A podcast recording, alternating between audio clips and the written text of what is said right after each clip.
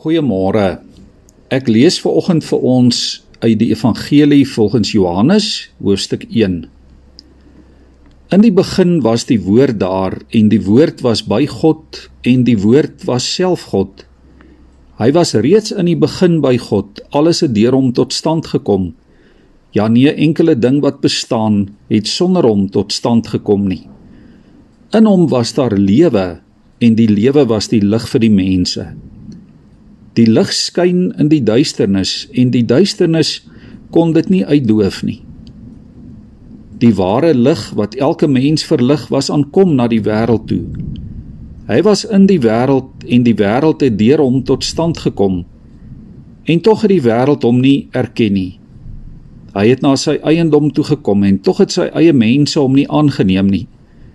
Maar aan almal wat hom aangeneem het, die wat in hom glo, het hy die reg gegee om kinders van God te word.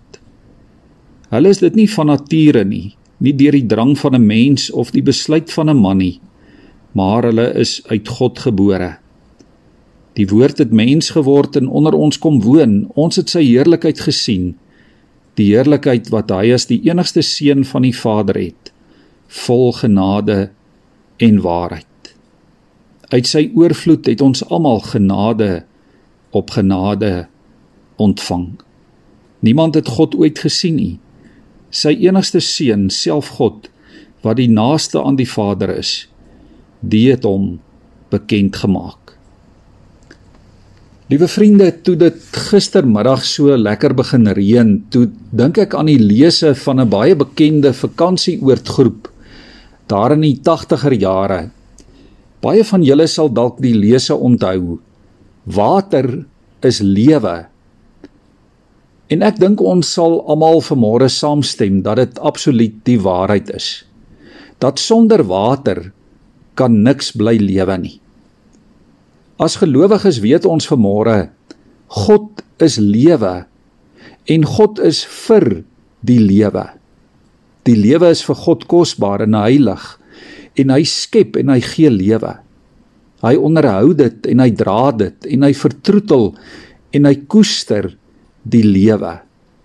God hou van die klanke van die lewe. Die gedreun van die donderweer, die plof van waterdruppels op die droë grond, dit laat God glimlag. Mense stemme laat God glimlag. Die lag van kinders, ja die blaf van my buurman se hond, die gekoer van die duwe, die gesuis van die wind. God is mal daaroor. Die lewe gee vir God vreugde. Die ritme van die seisoene maak die Here bly. Die bloeisels wat bot, die eerste mielieplante wat deur die grond breek, die reuk van die veld naby reën in die somer. Iemand het eendag gesê: God het 'n onuitblusbare lewenslus. God sê ja vir die lewe. En jy en ek is bevoorreg om dit alles te hoor in sy woord. Ons hoor sy hart klop in die letters en die woorde tussen die bladsye van die Bybel.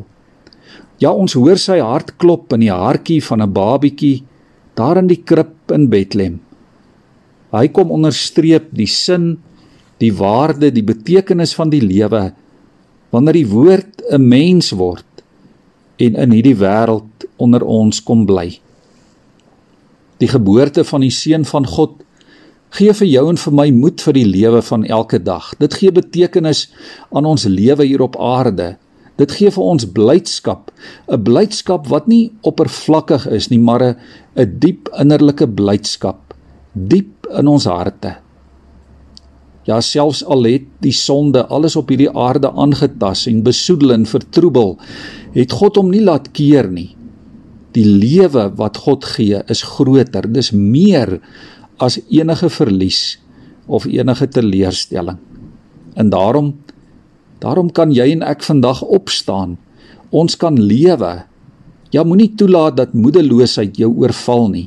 Moenie toelaat dat verliese of skade jou oorweldig nie staan op en lewe die volmaakte lewe wat die lewende God van die lewe vir jou moontlik gemaak het. omdat God ja sê vir die lewe, kan jy en ek ja sê en ja leef. Kom ons buig voor die Here. Here, dankie vir die lewe. Die lewe wat U gee. Dankie Here dat ons die lewe kan omarm, dit kan lief hê omdat U dit liefhet. Dankie vir U seun Jesus Christus wat vir ons moed gee vir die lewe van elke dag, wat vir ons vreugde en betekenis gee. Here, ons wil vandag tot U eer lewe. Ons wil die heel beste maak van die lewe wat U vir ons gun.